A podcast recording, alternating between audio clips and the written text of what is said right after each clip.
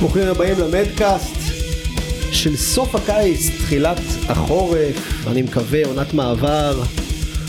בוקר טוב לך ארתור. תגיד ליאור, אתה כן. בוקר טוב, כן? בוקר טוב. ראית איך התלבשת היום? גרביים פרחוניות ונעליים בורדו? אבל המכנס שלי ירוק, הוא תואם? לגרביים. אה, לא, אתה מבין, הוא טוען לגרביים, אבל מה נעלי בורדו כאילו? יש גם בורדו בגרביים. מדהים. יש בורדו בגרביים. בוקר יש טוב, פה לא יודע למי. מחשבה על כן. כל גוון של צבע בלבוש שלי. אני רואה את המחשבה, אוקיי. הבנתי. זה שאתה לא מבין אותה זה משהו אחר, אבל יש. אמ, סתם באנקדוטה שמדברים על הנעליים, סתם זה התחבר באופן אה, לא מכוון, אבל אמ, גאים לבשר על זה שיש לנו אה, ספונסרים חדשים. יואו. אוי ליאור זה היה נורא. כן. יואו. אה, בקיצור, אה, יש לנו ספונסר חדש, אה, מותג נעליים די צעיר שנכנס לסצנה בעולם ועכשיו גם בארץ, הוא נקרא קריומה, מותג עם אג'נדה סופר ירוקה ובריאה ועדכנית לחיים שלנו, נעליים מכותנה אורגנית, גומי טבעי. והמון סטייל שמשולב בטימניקים הכי חזקים בעולם הסקטבורד והגלישה. סטייל ומקוריות מעבר לסטייל מאוד מאוד מקוריים אה, מי שלא מכיר אבל את הלוגו אתם בטוח מכירים. אחלה חברה אחלה כן, מותג. אה, מותג סטייל צעיר שדוחף המון המון אה, נקרא לזה מזומנים לעולם הגלישה והסקטבורד ומשקיע בסקייטרים וגולשים וכך גם בארץ. הולך להיות team גדול גם בסקטבורד גם בגלישה והרבה פעילויות והפעלות בשנים הקרובות בתקווה. מהמם. חברה שמנהלת אותה מחברה רצינית ומקצועית מאוד אז אה, אנחנו נראה מהם עוד הרבה כנראה ובינתיים הם אה, ומתחבר לאג'נדה שלנו על אה, קיימות ושמירה על הסביבה. בדיוק, לגמרי, זה נורא מתחבר לאג'נדה של המדקאסט ונושא הקיימות והעכשוויות של מה שקורה בטבע שלנו, שזה הטבע המיידי וזה המים. יופ. ומפה אנחנו גם בהצלחה. עוברים אה, לבן אדם מאוד מאוד טבעי וגם לסוג אחר של אה, אנשים שאתה יודע בפודקאסט אה, עד עכשיו אנחנו כזה חופרים את ההיסטוריה והשמות שעשו את התחרויות ואת המותגים וכל הדברים האלה והם היו הם חלק מאוד מאוד מוכר מההיסטוריה שלנו אבל גם יש לנו המון המון אה, אנשים שהם באנדרגראונד ותיקים ועשו דברים בעולם הגלישה בלי שנשמע עליהם אלא רק מי שקרוב יודע ואני זכיתי לראות אה, כל מיני גולשים כאלה בעבר פה באילטון שזה החוף בזמנו חוף אה, רציני שייצר המון המון אה, גולשים שחיים את החיים ארדקור עד היום ומקריבים את זה ולהם אני קורא ה-Wave Warriors המקוריים ויושב איתנו בן אדם כזה שרק עכשיו חזר מנמיביה אחד הטיולים המטורפים קוראים לו אלדד סידור בוקר טוב אלדד. בוקר טוב בוקר אלדד. טוב, בוקר מצוין. אז אני יכול לנפח ולהגיד הרבה הרבה דברים אנחנו פה דווקא אלדד הוא תמיד חי את האנדרגראונד ונלחם להישאר האנדרגראונד בלי שידעו אבל היום הוא גם מלמד המון ומביא המון המון ערך אמ, לאנשים שמתחילים וגם מתקדמים. ככה הוא קצת קפץ אל פני השטח והוא בתור אחד שברח מזה פעם היום הוא משחק עם זה די יפה כי אין ברירה וצריך את זה אבל אני חושב שהנוכחות. הנוכחות של אלדד אה, בעולם הזה וגם במדיה היום היא מאוד מאוד חשובה כי יש הרבה ליצנים שפשוט לוקחים לך את הראש ואת העין ואנשים מתייחסים אליהם כאנשים רציניים. אז בתור בן אדם שהופך את עצמו לאיזושהי אוטוריטה אחרי שהוא שנים פשוט גלש וברח מכל הדבר הזה אבל היום הוא רוצה ללמד ולהביא ועושה את זה ואנשים אני יודע שכל מי שעושה איתו דברים אה, מקבל ערך מוסף אדיר. אז אה, אלדד אה, אתה יודע אנחנו הולכים לדבר איתך מההתחלה עד הסוף לאמצע לרוחב ו- ולעומק וקצת אה, לשמוע מי החברים שלך איפה הסיפור שלך התחיל וכל הדבר הזה למרות שאתה יודע זה הכל מתחבר כל הפודקאסט מתחבר להיסטוריה גם אה, של אילטון ותל ברוך אבל בוא בוא נשמע ממך. אוקיי, אז אה, בוקר טוב, באמת, קודם כל אני שמח להיות פה, אה, ואני חושב שהחיבור לפודקאסט בשבילי הוא באמת העניין של ה... לדבר על הגלים הגבוהים, לדבר על העניין הזה של אה, גם אפילו הכתיבה שלי שקשורה לזה ב... בוא נגיד בשנה, שנה וחצי האחרונות שאני כותב על הטיולים שלי, קצת ומוציא את זה החוצה. שנים גלשתי בגלים גבוהים בכלל בלי מדיה, כי גם לא היה מדיה.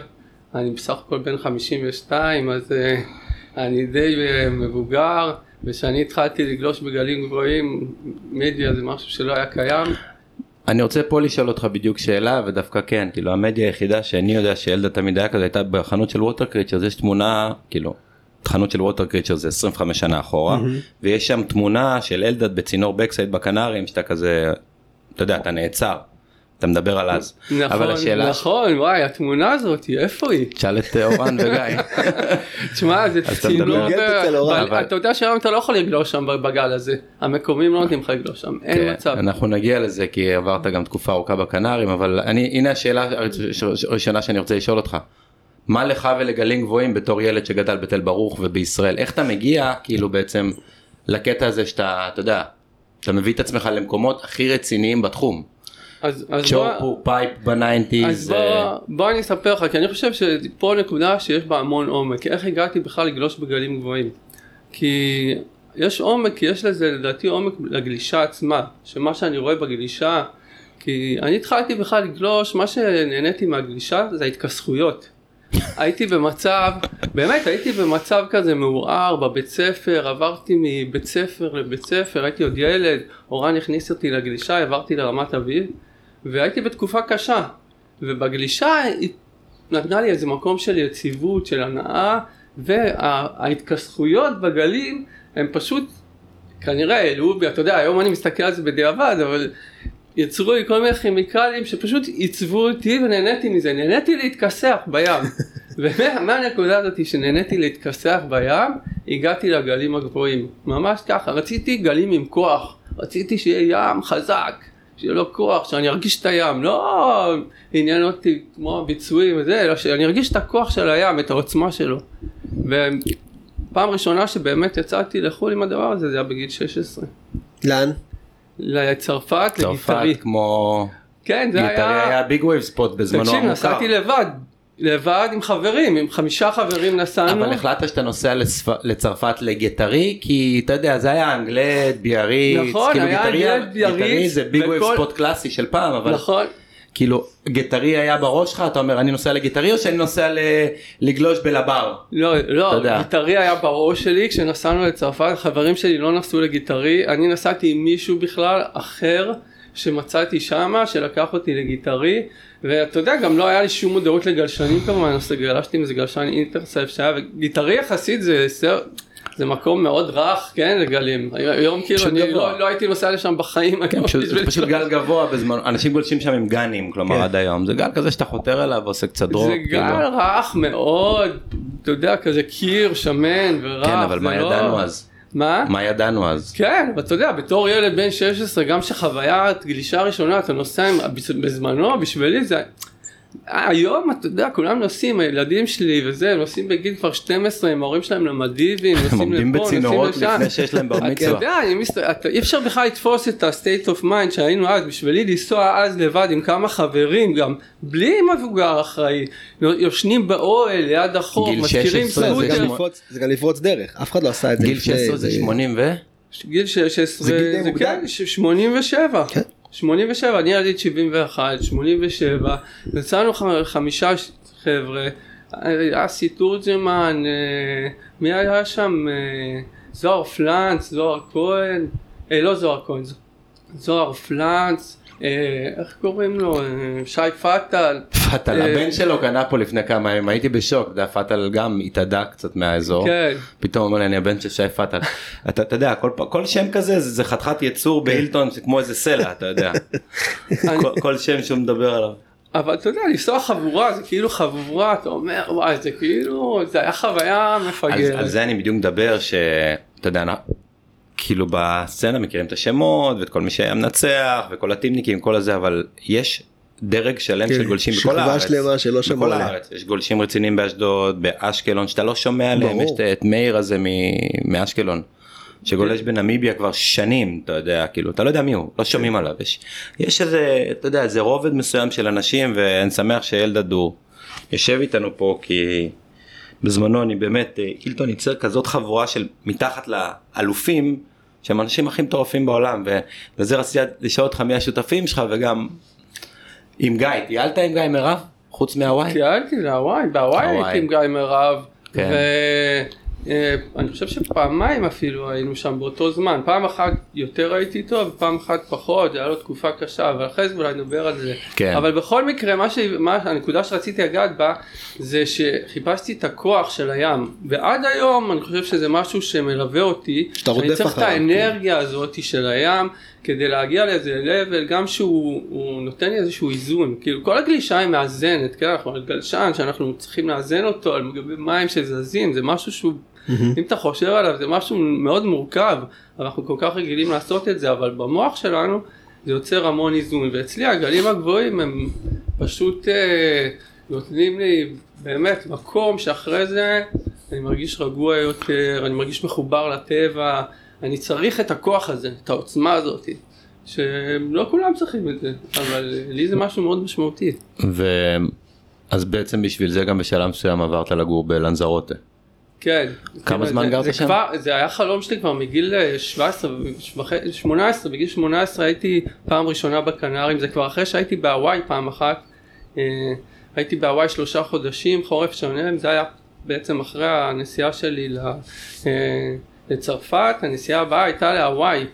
הייתי חורף שלם בהוואי, אה, זה היה חוויה וואו, אתה יודע, כל, לראות גם את כל המקצוענים שם, את הגלים האלה, הייתי מטורף, כאילו לא היה לי גבולות בכלל, ולא הייתי, היום אני סופר מיומן, אז מיומנות אפס, כאילו כמעט מתתי כמה וכמה פעמים, זה היה חוויה, מאזנת. הייתי חסר זה היה אחריות. מאזן אם אתה אומר כמעט מתת הגעת לנו אז זה הכי מאזן שיש. אבל מי, מי, מעניין לדעת, כאילו בגיל, בגיל 16, 17, 18, שאתה נוסע למקומות האלה, מי, מי מלווה אותך, על מי אתה מסתכל, שאתה מתייעץ איתו? אפס, אפס, אפס ליווי, שיגעון מוחלט, אפס ליווי, יפה. אף זה- אחד לא, אין, אין ידע גם, לא היה לי שום ידע, אתה יודע, היה אז חוברות גלישה, אין אינטרנט, אין כלום, כן. אתה רואה אותם בחוברות גלישה, אתה אומר כזה אני רוצה. כאילו זהו, כזה, כזה צינור אני רוצה, זה לא היה את כל ה... לקרוא איך גולשים בכלל בגלים כאלה, את כל החוויה, את כל אתה אומר, ההוויה זה שאני... ניסוי אבל- וטעייה אבל. אתה אומר. לבד לבד לבד אבל היו לך פה שותפים להרגשה ל mindset הזה בהילטון חבר'ה שכן לא, אה, מי שהיה שותפים זה גיא מירב,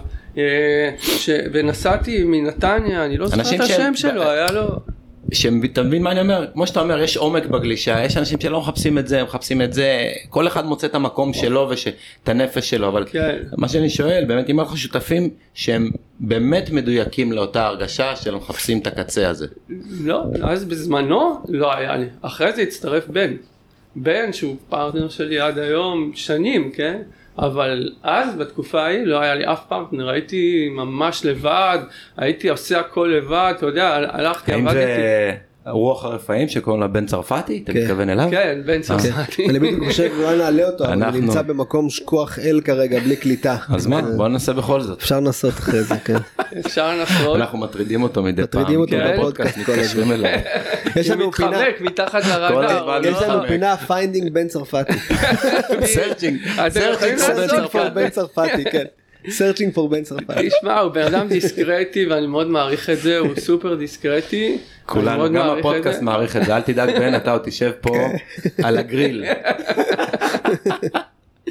אבל באמת, אני חושב שהייתי כזה זאב בודד תמיד, כי מאוד רציתי משהו מסוים, ומאוד קשה למצוא אנשים שיהיו ב mindset שלך במקום הזה. זוהר פלנץ היה שם אז, בהו- אה, זוהר כהן היה אז שם בהוואי, פגשתי אותו, והג'ינג'י שהיה גולש על בוגי, איך קוראים עזר. לו? עזר, כן. אה, פגשתי אותם, זה היה נחמד כאילו שיש עוד כמה אנשים שאתה מכיר, כי ככה כן. אתה ממש, אה, זה חוויה ארדקור שם, גם האנשים שם ארדקור, הגלים ארדקור, הכל ארדקור, הייתי בן 17 וחצי. כן. אתה אומר טוב שיש לך איזה חפץ מעבר כזה בדמות מישהו שאתה מכיר מהילטון שבא איתך למקומות שום האלה. דבר, אפס. אז רגע. אוקיי אנחנו קופצים מקום למקום אבל קפצנו רגע ללנזרוטה החלטת שאתה בעצם בשלב מסוים אתה רוצה לחיות בתוך הדבר הזה ולא לטייל לגלים מעבר ללטייל בעולם אבל אתה רוצה להתיישב באיזה big wave spot ולחיות את זה מתי כן, זה היה. אז, ול- אז, אז אחרי, מיד אחרי הוואי, בעצם חזרתי לארץ, ואז היה לי זמן, הייתי אמור להתגייס, הפרופיל שהיה מאוד נמוך, ובגלל שהייתה לי אסתמה גם, הייתי צריך להתמודד, היה לי אסתמה מאוד מאוד קשה, אה, שממש חנק ופריחות על הגוף, משהו מאוד וואו. קיצוני, וגם בזה הגלישה עזרה לי אה, להחלים מזה. אבל אה, הייתה לי תקופה עד לגיוס ונסעתי לכנרים ושם היו גלים מדהימים ובלי אנשים בזמנו זה היה כאילו פשוט אין אנשים. אתה יודע באתי עם חוויה של הווייט שזה היה מטורף כמות האנשים ובאתי לכנרים לא היו שם גולשים. וזה היה חלום ואתה רואה גם בתים ואתה יודע איזה 40 אלף דולר יורו זה היה נראה לי משהו שפשוט אפשר לקנות בית כן. ולגור במקום הזה זה חלום מבחינתי כבר אז זה היה נראה לי אה, יוצא דופן. אה, אני עברתי לגור שם יותר מעשור אחרי זה אבל אה, כן, הייתי שם, עשית- הייתי שם כמה חודשים גם כן בקנרים הכרתי שם מישהי ולימים היא הייתה אשתי מאוחר יותר התחתנתי איתה 15 שנה מאוחר יותר וואו. יותר זה סיפור בפני עצמו מה הייתם ביחד 15 שנה? לא לא נוף ממש כזה? לא התחתנתי עם מישהי אחרת קודם היא ילדה אה. לי ילדים ורק אחרי זה חזרתי חזרת לזה. רק אחרי זה בעצם עברתי לגור שם בגיל 30 גדל. ומשהו לא עברתי לגור שם בגיל צעיר. אה, אבל מאוד אהבתי את המקום אהבתי יש בו משהו פראי ואני אוהב את הפראות הזאת תמיד אני מחפש. אם אתם שואלים את כל ה strike mission ים והדברים האלה אני אוהב פראות. חסר לי חסר לי ביום יום בחיים את הפראות הזאת כאילו יותר מדי אני מרגיש מבוית. תכף נגיע איך אתה מתמודד עם זה שאתה מעניין גולש בתור ב- איזה ילד שגדל בשכונות של רמת אביב של פעם בתוך ו- הבטון. וגר בתל אביב עד היום תקשיב, כאילו גדלתי אומנם ברמת אביב, אבל בזמנו, כן, כל החלק מתל ברוך שהיינו הולכים ברגל, אני ואורן, אורן, אורן וייס, קודם כל צריך להגיד, הוא הכניס אותי לגלישה. אם לא אורן וייס, לא הייתי גולש. היינו גרים בית ליד בית, והוא בא אליי, תשמע, אתה חייב לגלוש, היינו שכנים. איזה שגריר, איזה שגריר, יאללה. תקשיב, הוא הוא... היה חייב מדריכים בבית ספר. הוא הוא ידע, הוא ידע מראש. אני צריך אותו איתי. חייב, מדריכים, יהיה מחסור. היה אוסף ילדים הוא ראה מהרחוב. קדימה, אתה יודע, הוא איש עם הוא באמת איש עם חזון, הוא רואה קדימה, קדימה. ראה 40 שנה קדימה. אוסף ילדים מהרחוב. תקשיב, אבא שלו, אני זוכר. אותו, לקח אותו שם עם סירה לתל ברוך. תל ברוך זה היה מקום, זה הטבע, כן? זה לא זה לא היה. פרוע כן. לגמרי, אחי. זה היה פרוע, מה זה מוזנח, פרוע. לא היה שם כלום. אבא, שלו היה בא עם הסירה שלו, מכניס אותו לים, לוקח אותו מאחורה וגולש על ה... שאין גלים, הוא היה גולש על הגלשן. עכשיו הוא הכניס אותי לגלישה, היינו הולכים ברגל בחמש בבוקר, כל הזמן לתל ברוך. עכשיו בזמנו לא ידענו, יש גלים, אין גלים, אין הולך אפליקציות, אין. כלום, הולכים לים. ברור. עולים מקסימום על איזה. בניין, היה בניין שהיה 14 קומות, שלפעמים היה פתוח הגג, היינו הולכים, לפעמים היה סגור, זה כי פחדו שיעלו עליו, היינו עולים למעלה ורואים רק בשובר מאחורה אם יש קצפים כאלה קטנים, ולפי זה היינו יודעים אם אולי יש גלים או אין גלים. זה היה מטורף, כאילו היו שיטות כאלה, והיינו הולכים, פשוט הולכים, חוזרים הרבה פעמים בלי גלים. עכשיו סתם גלים. נקפוץ לאיזה משהו אחר, כאילו כיף, זה חקר כיף זה, אה. היסטורי של ספוטים שנעלמו.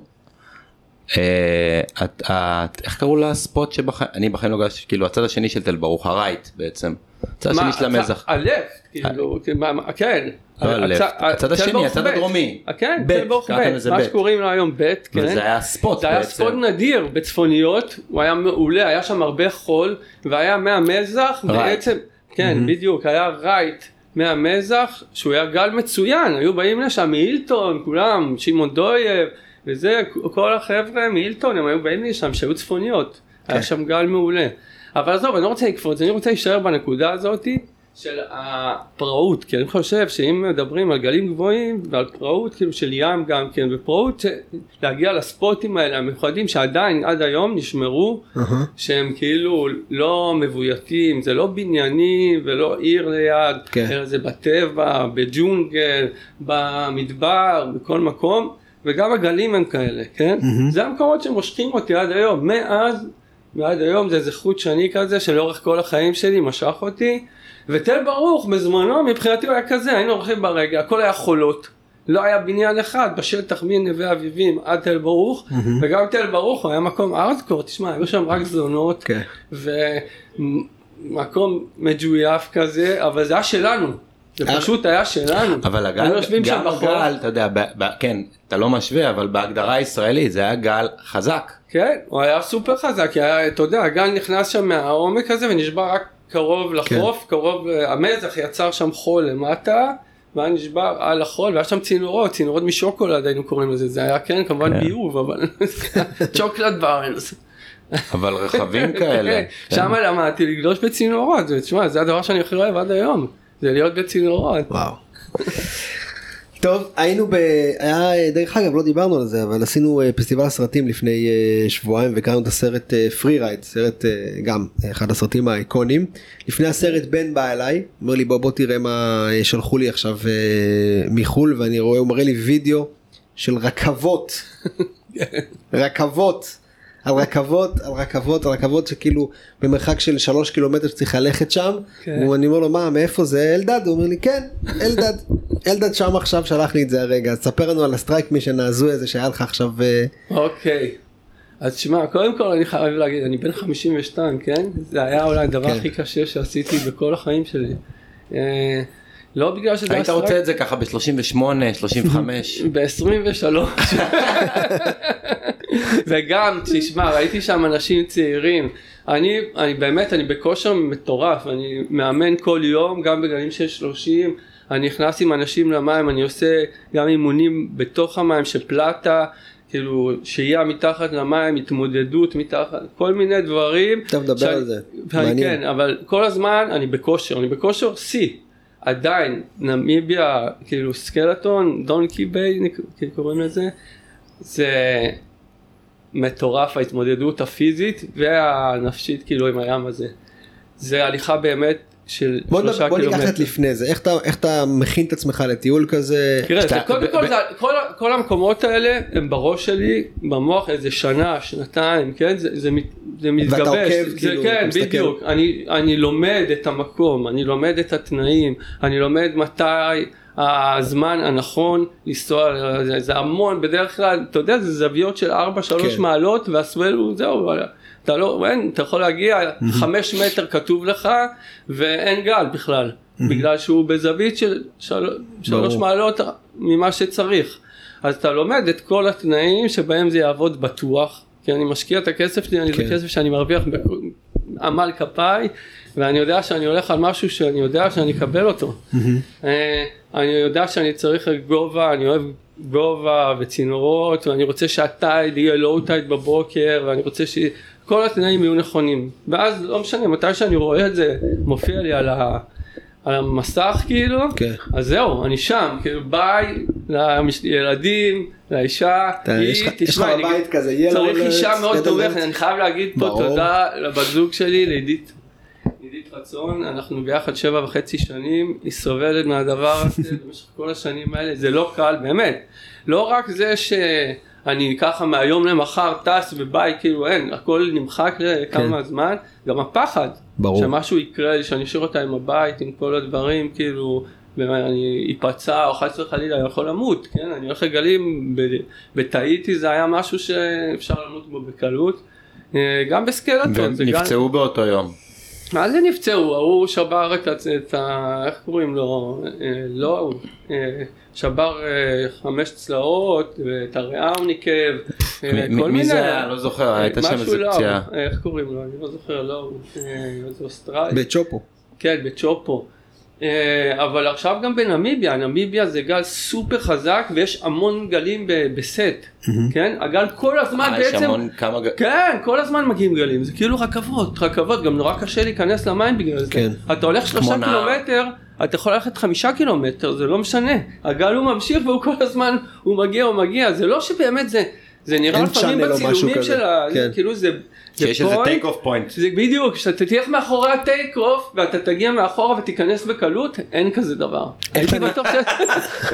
אז לא, אין את זה. אין את זה. אני הייתי בטוח? שיש כזה דבר, באמת. אתה מגיע ואתה ככה פשוט... תמיד זה נראה. יש, יש עניין כזה עם גם טיולי גלישה וגם אני קורא לזה הדברים שלא מדברים עליהם אתה מבין כאילו הטייק אופים הנקודות קפיצה הסלעים אלה הדברים שלא מדברים עליהם בטיולי כן. גלישה אלה כל הדברים השחורים נכון. הקשים הקטנים האלה שאתה רק פוגש אותם כשאתה פוגש אותם כן. כלומר אין איזה. מישהו שאין כתבה שמדברים על זה אין חבר שמדבר על זה אין שום דבר. וזה זה חלק מהדברים האלה שאתה כאילו מדמיין לעצמך כל מיני ואז אתה אומר אה לא זה לא לא מה שחשבתי. זה- וזה זה המעניין כי זה בעצם את העבודה שאתה עושה זה זה חלק מהעבודה שאתה עושה בשביל בסוף לתפוס את הגל הזה. בדיוק, אתה חייב, קודם כל אתה צריך לתת משהו, אתה צריך להקריב, אתה צריך.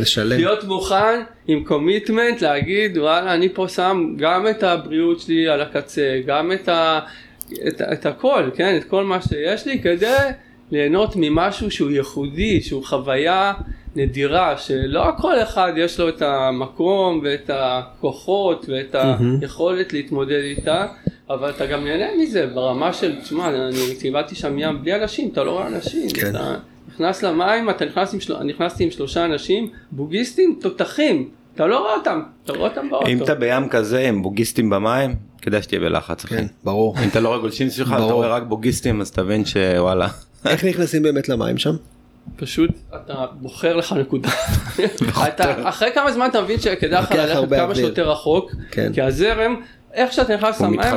אתה, אתה קילומטר התקדמת, קילומטר וואו. לפחות התקדמת במורד הזרם, עד שאתה מגיע למטה.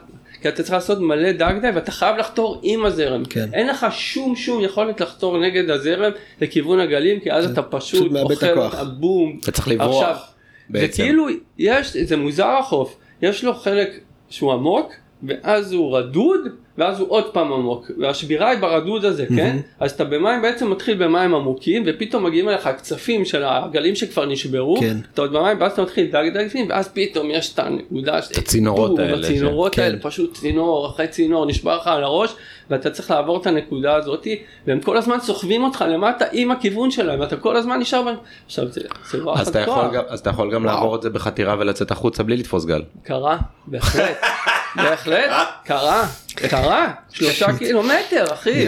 לא תגיד, קרה לי את זה על שליש מזה במרוקו עכשיו. אתה כאילו- אתה כאילו אומר לעצמך יש לי חמישה קילומטר הליכה אני הולך לשלם שתי קילומטר בשחייה אני אגלוש פה איזה קילומטר וחצי. לפעמים רק עכשיו- שתבין את העניין שכל הזמן שאתה הולך את ה-30 דקות 40 דקות האלה אתה רואה גלים הכי יפים והכי מושלמים צינורות כן זה לא איזה גל כזה משהו צינורות שרצים צילינדר כל הדרך. צילינדר. ככה לאורך. כל הדרך לא המוח. שלך נטרף אתה אומר אני נכנס כאן כאילו מה אני צריך ש... כן. אבל אתה יודע שאם תיכנס כאן אתה תגיע לסוף הגל לפני שתתפוס. יאללה. ואז אתה- כשאתה מסיים את. הגל אתה יוצא החוצה והולך אתה כל ה... יוצא החוצה אתה מסתכל ואתה. אומר fuck. אין ג'יפ על החוף ואסור שם אין, לנסוע כי ג'יפים, יש... אה, יש. מלא ג'יפים אסור לנסוע על החוף. כן אסור לנסוע לחוף. שם. זה, הם החליטו המקומית זה כן. לא משהו איזה איסור של החברה להגנת הטבע או משהו הם פשוט עשו כזה surfer rule אתה לא לא נוסעים עם הג'יפ לתחילת ה point כדי שלא כולם ייסעו שם על כן, החוף ברור. ושיהיה מלא לחץ אה, בפיק ורצו שיהיה ספרדינג אתה יודע כאילו גאוני. זה גאוני. גאוני וגם ככה אנשים שלא עומדים בזה פשוט תופסים שלושה גלים וזהו נגמר לך היום עזוב את ה- האתיקה זה באמת חכם כדי ברור. לפזר אנשים ש... לפזר, לשמור על הרצועת חוף, תקשיב יש שם מלא זה, כלבי ים, כן, זהו. הם, הם פשוט על החוף, הם שוכבים על החוף, הולכים על החוף, במים, כן, בחוף, עשרות. אלפי כלבי ים, זה כן, לא... אני זוכר שבן גם סיפר לי, בן גם נתן לה שם איזה strike mission שלא היה מוצלח, אבל סיפר לי, אמר לי, המקום הזה זה המקום הכי מפחיד, וזה מקום שנראה כאילו סוף העולם על הירח כזה.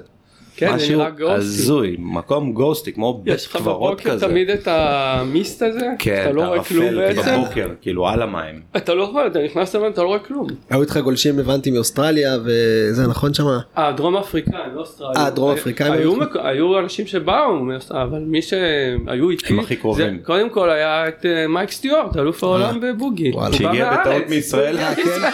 ועוד כל יש אחד שהיה איתי שהוא גם מתחרה בבוגי העולמי, הוא מ- מקייפטאון, הוא גם בא מהארץ, הוא היה- בתחרות במלדיבים, ובא לארץ, יש לו משפחה, הוא יהודי, והוא נסע לשם, אז נפגשנו כמה סיבוב. מעניין. סיבוב מעניין בהחלט. אבל אני אומר לך זה מקום שרק לאנשים שבאמת מוכנים כאילו To put it on the line, line.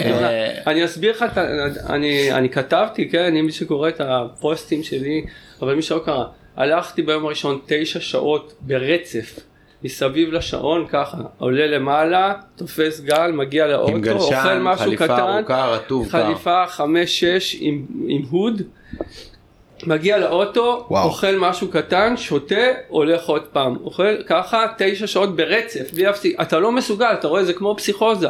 אתה רואה את הגלים ואתה אומר, אין, אני לא יכול לשבת עכשיו באוטו, אין מצב. אני פה, כאילו. אני פה, בדיוק. בשביל זה אני פה. אתה, זה גם יקר, תשמע. כמה זמן היית שם סך הכל? זאת אומרת, משימה מה- כזאת להגיע אליה ליומיים. חמישה ימים הכל ביחד, יומיים הכנה, יומיים גלים, עוד יום אחד חצי יום כאילו היום האחרון שלא גלשתי בו בכלל וטסתי באותו יום, זהו. וואו. כן. עבודה, זה strike, מש- קוראים. סטרייק. זה היה תחושה אבל עבודה, זה לתת עבודה, בטח. אני חושב. שיש לך שנים די משמעותיות עכשיו, כאילו, אני. אתה יודע, אני עוקב אחריך כמובן, אבל אה, בין הטיול שלך בפורטו האחרון, שהיה גם חוויה מטורפת, לצ'ופו, לזה, קורים לך דברים דווקא בשנים האחרונות, שהרבה שנים ברצף שלך לא עשית כל כך, אבל חזרת לזה עכשיו בקטע מטורף. תראה, זה, קודם כל זה הרבה דברים. שנים הייתי גולש בלי שהייתי מדבר על זה במקומות בכל העולם, אני גלשתי בהמון מקומות, שנים בלי צילומים בכלל, בלי שדיברתי על זה, בלי שכתבתי על זה, זה הכל היה מתחת לרדאר, אבל הייתי גולש שנים בגלים עצומים בכל... איפה? במקסיקו המון. כן, הייתי גולש במקסיקו המון, בפסקואלס. פסקואלס. מה זה, לא פורטו, מי צריך פורטו? אז מה אתה עכשיו פתאום כותב, מה קרה? מה? אה, כי הרגשתי, קודם כל, אה, רציתי אה, את החוויה שלי, כן? אה, להוציא החוצה. כאילו זה קשה כל הזמן להישאר עם החוויה שלך בתוך עצמך, וכאילו אתה חי רק אותה לבד. רציתי להוציא, להוציא את זה החוצה, ומשהו אישי, כאילו, את החוויה שלי, לא איזה חוויה כללית. כן. וכל העולם יודעים מה זה לגלוש בפוארטו, מה, אתה רואה סרטונים, אתה רואה, אבל חוויה אמיתית, כאילו אתה שומע אנשים אומרים, אה, היה כיף, היה זה, היו גלים ענקיים, עשיתי זה, עשיתי... החוויה היא חוויה מורכבת, זה לא, זה לא משהו פשוט, זה לא משהו קל, זה לא משהו כזה אהלן אהלן ומרק מגניב. החוויה היא מורכבת, ואני חושב שבכתיבה שלי המורכבות הזאת היא עוברת הרבה יותר. כן, זה גם האושר והשמחה וההנאה, אבל גם המורכבות. זה חוויה שהיא... אני קורא את הפוסטים שלך אם אני כאילו זה זורק אותי לסרפרס ג'ורנל זה ממש באותה רמת פירוט ואני כאילו מרגיש שאני במקום יחד איתך. כן, זו שזה- המטרה, שזה תרגיש ממש את מגניב. הדבר, תרגיש, תרגיש כן. את החוויה שלי, תרגיש איך אני מרגיש מגניב את זה. כאילו בין אם עכשיו- זה מה שכתבת ב- לפני כמה ימים על החוויה שלך בדתיים או בין אם זה מה שכתבת כאילו זה ממש אה, זה כיף לקרוא את זה. כן, שמעתי שמישהי הרביצה לך בדתיים. אני לא רוצה ממש להיכנס לזה, אבל בוא ניכנס לזה. אתה לא רוצה, בוא ניכנס לזה, אבל... לא, בוא אני- נדבר על זה באופן כללי, תראה, אני כן, אגיד כאילו. לך, זה היה, אני גם, אה, אני חושב, באמת, זה היה אירוע מבחינתי נוראי, כן? אני מאוד נלחצתי, אתם ראיתם גם את הפגיעה, רואים את זה. זה משהו מדהים, סליחה שאני. קוטע אותך, זה כן. מדהים שאנחנו מדברים איתך על גלים הכי קטלניים שיכולים להיות בעולם, strike missions למקומות שאתה יכול לחזור מת לא בגלל הגלים אלא בגלל האנשים שמסתובבים לך שמה, ואנחנו מדברים על תקרית בים של 30. כן, זה ים של שיכולת, חצי, ים שיכולת של חצי, אבל- בהחלט איפה שזה פגע בך. כן. תקשיב, זה אחד הדברים הראשונים שעברו לי בראש כשזה קרה, זה אחד הדברים שהעניבו לי את הראש, אתה יודע, אני כאילו, אני, קיבלתי את החרב במקום הזה, ואני חשבתי על כל, שנים שלא קרה לי כלום, ב- ב- הפציעה כן. האחרונה שלי שהיה לי בים, זה היה בפסקואלס, וכאן נפל עליי ליפ של גל של ארבע וחצי מטר, משהו מפגר, כן? שיצאתי מצינור ובשנייה האחרונה, על הרגל. הליפ נפל לי על כן. הרגל, וזהו, נגמר לי הטיול ברגע הזה, זה היה אבל? נקע, לא, לא, לא שברתי את הרגל, לא- נקע, הקמת. אבל כן. נקע זה עד היום הוא חוזר כזה מדי פעם, ו... אבל הייתי, זה היה בסוף הטיול, היו לי עוד שלושה ימים, ובסדר, הייתי עם הרגל, אתה מבין, זה היה לפני כמה שנים כבר, כן. מאז כלום לא קרה לי. הסיפור הזה גם העורק הראשי עכשיו עם מיקלה ג'ונס יושב כן, יושב בדיוק, לך בטח. ישר זה קפץ לי בראש מקהלה כן, ג'ונס. מפחיד. תשמע, חייב בדיוק. נגע לי בדיוק באותו מקום. עכשיו, אז באותו רגע נגנבתי, עפתי עליה באמת ברמות שלא עפתי על בן אדם, אני לא יודע, הרבה מאוד זמן, חוץ מאיך קוראים לו, עד שהוא לקח לי את עם בועז, כן, וחוץ מאלפי מקרים אחרים בהילטון, אתה יודע, שאני זוכר לא, אבל זה היה. לא? צרחות. נכון, אז אה, עם בועז, באמת עם בועז, אז- אה, תשמע באמת זה פחד זה היה לחץ אדיר. אני שמתי את היד ואני כאילו ממשש לראות שלא נכנס לי החרב פנימה כמה סנטימטר. סימן, כן. אבל זה נסגר, טוב, כתבתי את מה. שכתבתי, כתבתי את מה שכתבתי, אפילו ביקשתי ממנה סליחה, אני מקווה שהיא גם אה, מבינה את המקום שלה בכל האירוע, כי יש לה הרבה מקום באירוע הזה, ברור. ושאנשים בכלל, שאני כותב את זה, המטרה שלי גם להעלות מודעות, כן, גם, גם בגלישה, גם בחוויה שלי שאני נוסע לחו"ל, להעלות מודעות, לזה- תבינו את המקום שאתם נמצאים בו, תנו לזה- רספקט למקום לזה אני. בדיוק מתכוון אה, זה חשוב שבן אדם כמו אלדד שהוא אתה יודע הוא בן אדם שבא מהשורשים מאוד מה שנקרא פני פנינו והיום יש לך כל מיני מחנכים כאלה ברשת שפשוט גונבים לך את התשומת לב אבל אנשים לא יודעים שהם לא מבינים כלום לא באו מהרקע הנכון לא מקצועיים רק רוצים לייצר לעצמם איזשהו עניין והכנסה וזה רוב מה שקורה היום ברשת. חסר לנו בעצם היום כל מיני תקרא לזה מובילי דעת כותבים גולשים שהם מסורתיים שבאים מהשורשים שמבינים מה נכון ומה לא נכון ומדברים בצורה הזאת. נכון. חסר לנו באמת כי אתה זה גם גם- רואה את זה התשומת לב הנכונה החיובית שזה מושך ובין כל הליצני רשת האלה כן. שיש בכל הרשתות השונות זה מחריבים את התחום הם מחריבים את התחום.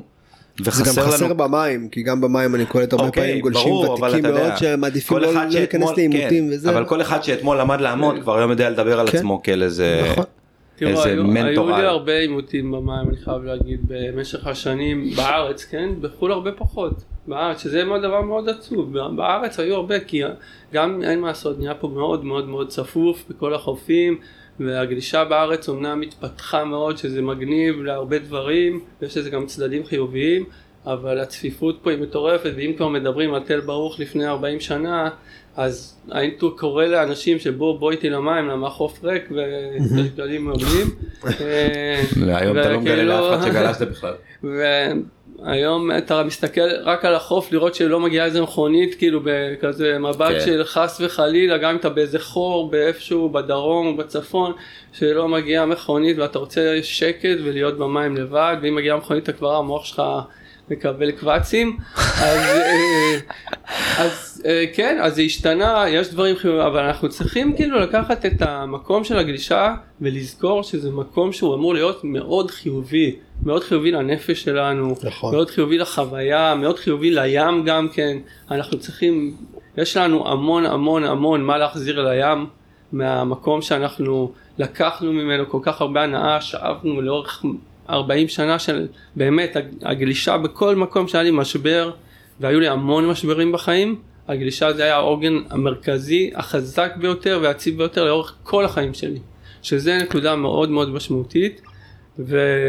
וצריך לדעת להחזיר גם לים, אני- צריך לדעת ל- ללכת לעמותות האלה שמגנות על הים ולתת כסף ולתמוך ולדעת לשמור על הים ולא לזרוק דברים בחוף ולא להיות בהמות וכל הדברים האלה זה דברים שחובה בתור גולשים עלינו לעשות לגמרי. כי אנחנו אנשים שנהנים מהים יותר נכון. מכולם.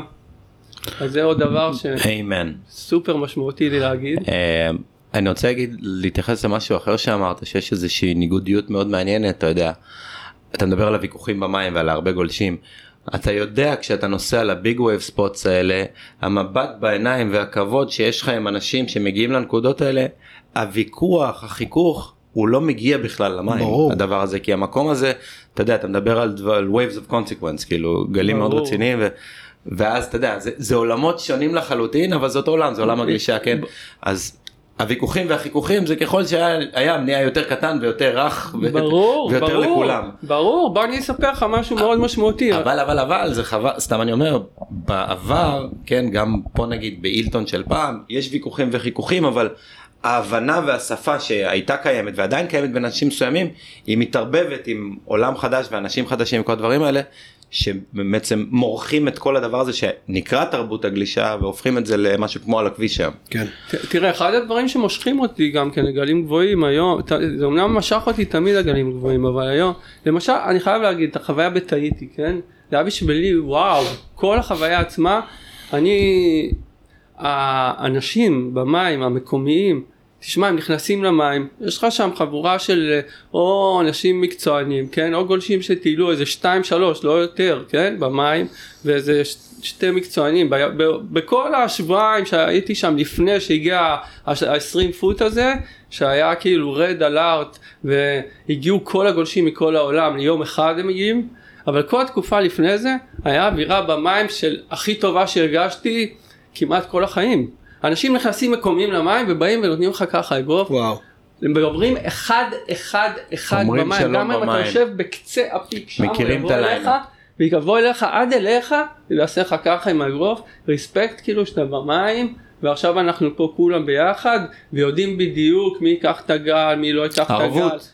יש אה, תחושה של ערבות. כן. וכבוד, וברור שאתה מכבד את המקומיים, ואתה לא, והם לוקחים גל, לוקחים למטה, מחכים חמש דקות, יודעים שהם ייקחו את הגל הכי טוב שתעבור בהתקפה בעוד רבע שעה, אבל הם ישבו, והם לא יחתכו מסביב לכולם, יעלו פיק, אפילו שאף אחד לא יוכל להגיד להם כלום. הם ישבו למטה, הם יסתכלו על הגלים, הם ידברו עם הסירות, הם זה יחכו, ואז ייקחו עוד אנשים גלים, יתפסו כמה גלים, ואז הוא יעלה למעלה והוא יישב עוד עשר דקות ויחכה לגל הטוב שיבוא וייקח מדהים. אותו, אבל האווירה היא כאילו ריספקט, ריספקט שהם נותנים לך וריספקט שאתה נותן להם, וזו תחושה של גלישה אחרת לגמרי. תזמין את ריימנה לסשן בדרומי. תגיד, אוי ואבוי. זה מאוד חשוב להעביר את הדברים האלה כי זה דברים שלא רואים אותם וכשאתה רואה את הוידאוים ואת כל התמונות מהמקומות האלה זה בימים האלה שבאים כולם פתאום כן. יום אחד וזה מין הפצצה אווירית כזאת שמגיעה עם 20 אה, צלמים, אופנועי ים, אופנועים, סירות. 20 צלמים, כולם רוצים לתפוס את הגלים וזו תחושה שהיא לא קיימת, היא פשוט לא קיימת. זה הרבה יותר טהור מזה. מה זה טהור? זה חלום. אלה הדברים בעצם שהם זה בסוף מה שעושה את האסנס של הגלישה והדברים שאתה חי כגולש בסוף בגלישה אתה רואה בן אדם אפילו לא חותר לגל רואים אנשים יורדים בווידאו כן. כאילו לתוך גל אז אתה לא עובר לך כלום אתה מבין אז מה, מה נכון. כל הדברים האלה אלה הדברים שבעצם מגדירים והם בעצם המהות לדעתי של, של מה שאנחנו עושים. זה, זה, אתה, ה vibe אתה, אתה, ה vibe שאתה מרגיש וה respect והערבות לגמרי. במקומות האלה, שאתה מגיע למקומות עם אנשים שאתה לא מכיר. כוללת את הישיבה הזאת ב peak. בדיוק, זה חלק גלישה זה. גם, גם כשאני רואה סרטי גלישה. מראים לך ביצוע, נכון. אומרים לך, לגמרי. גלישה זה חוויה זה בשבילי, חוויה מאז שהייתי. ילד, זה חוויה, זה חוויה של לשבת במים, זה חוויה, זה הבדל אחר לגמרי, אם אתה בנמיביה במים שאתה לא רואה כלום, וצץ לך פה פתאום איזה יצור ואתה לא יודע אם זה כריש או אה, כלב ים, לחוויה שאתה יושב בתאיטי ואתה רואה את המים סופר נקיים, אתה רואה את הריף, זה נראה לך חצי סנטימטר ממך, ואתה רואה כמה עמוק באמת באמת? הוא, הוא סופר שלו, הוא טיפה, לא, ב take off. ב take off הוא הוא די, הוא די עמוק, ב take off, אין לך. אין לך, כאילו, אבל אם אתה, ברגע שירדת ל take off ועשית את ה bottom turn הראשוני, ואם הוא אוכל אותך שם, ויש לי כזה וידאו שרואים. אותי, אתה, הוא, פוגע. הוא דוחס אותך על הסלע, עכשיו אם אתה לא אני הייתי עם, ה, עם הווסט, אם אני לא עם הווסט, אתה יכול למות בקלות, בקלות. הוא משאיר אותך אני לא למטה. יודע איך המקומיים שם, הם תמימים עם מכנסיים. בלי. חולצות, כן, הם מכנסיים. וואי אחי זה הורג אותי, אתה רואה את קרלי, הקבוצה כן. קרלי? כן, עם כולם שם, אבל קרלי כולם שם הוא הכי. יצור. לא, איך קוראים לו? יותר יצור אפילו. יש שם אחד עם שיער ארוך, ושהוא מבוגר יותר, ויש את ה... זה שהשתתף גם, שלקח בעצם את הטריילס, ואחרי זה נפל בתחרות של ה-WSL, איך קוראים לו? קאולי לא קאולי, השני. מימנה? מה? מימנה? מימנה, לא, מימנה הוא גם היה בארץ. כן. לא, זה שלקח קיבל 10 ו-9 לא. וניצח את ה... אה, זה, את הטריילס? את הטריילס. אה, יש שם עוד- עוד ילד אחד, שכחתי את השם שלו. הוא כן, גם כן, צעיר. לא, הוא גם לא במשפחה 20. גם של האלה ששם, ששולטים שם שנים בגלישה. תשמע, הם מדהימים המקומיים, אני לא האמנתי שהם יכולים להפסיד למקצוענים, אבל כשאתה רואה מקצוען שם, אתה רואה הם באים ופשוט הם גולשים את הגל יותר טוב מהמקומיים, זה נראה לך לא הגיוני. אתה רואה את המקומיים גולשים שם את הגל הזה מימנה, גולש אחד המדהימים שראיתי שם, באמת, הוא גלש שם מאחורי הפיק, לוקח את הגלים וגם דופק ככה ביצועים, כאילו על גלים מפגרים, בנוסף כן. לצינור. מטורף. הם- חוויה, אתה יודע, עכשיו כל החוויה באמת, והמקום, והמים, זה חוויה אחרת. אתה לא מובן, זה לא עובר בשום, אה, אתה נכון. מבין, שמראים לך קליפים כאלה שמישהו עושה ביצוע, שנכנס לצינור, יוצא לצינור, זה לא כמו החוויה שאתה נמצא שם שבועיים ואתה הולך למסעדה ורואה את כולם במסעדה וחוזר ונכנס למים בחתירה, אני, אני גרתי בבית על, על, על הפוינט, בחתירה, עשר. דקות, נכנסתי, תמיד הייתי ראשון, כי הם באים בסירות, הם באים כמה דקות אחרי זה, עד שהסירה באה, כי עוד חושך. וכאילו זו חוויה של וואו, להיות במקום הזה, כאילו על הבוקר, צריכה. אה, וואו. קופץ למקום אחר כן כאילו שזה דבר אני חייב מההיכרות שלי איתך ואני מכיר אותך רוב חיי. אה, דבר שלא הייתי חושב עליו שהוא התחיל והוא נהיה מעניין זה הקטע שאתה בעצם היום מלמד גלישה. כן. זה איפה ש- שבשבילי בתפיסה של אלדד זה כאילו להיות uh, מדריך גלישה זה דבר שהוא מה שהייתי אומר הוא הכי שונא את זה כן אבל אני מרגיש היום שזה אחד הדברים שהכי מגדירים אותך ואתה מוצא בהם הרבה עניין וגם אני רוצה להגיד את זה פה כי אתה לא אה, דוחף אנשים על כן. הסופטים שלהם. אז אני לא, רוצה לפ- שתספר גם, לא אני רוצה שתספר גם מה שאתה עושה שנקרא הדרכת גלישה היום, אתה יודע, כולם מדריכי גלישה, כן. כולם מנטורים.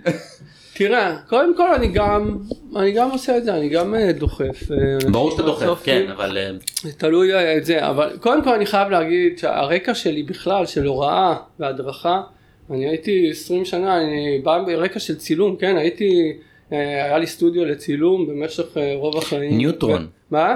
ניוטרון, אלדד ניוטרון כן, היה. המייל הקודם שלך. ניורון, ניורון.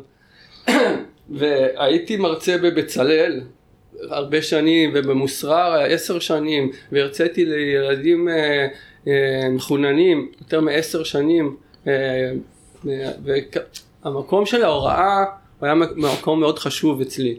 כאילו אתה מגיע לרמה של ידע מסוים ויכולת מסוימת ויש בזה המון יופי שאתה מעביר את זה הלאה, כלומר אתה מאוד נהנית מזה וממשהו והגעת באמת לאיזה יכולת לשתף את הידע שלך והניסיון. כן, לשתף, וגם באותו יש, מקום של ת- הכתיבה. תקשיבו, ב- בעולם הזה יש מעט מאוד דברים שאתה נותן, אבל אתה לא מאבד, כן? אם אתה נותן גלשן, זהו, נתת למישהו אחר, אין לך אותו נכון. כבר.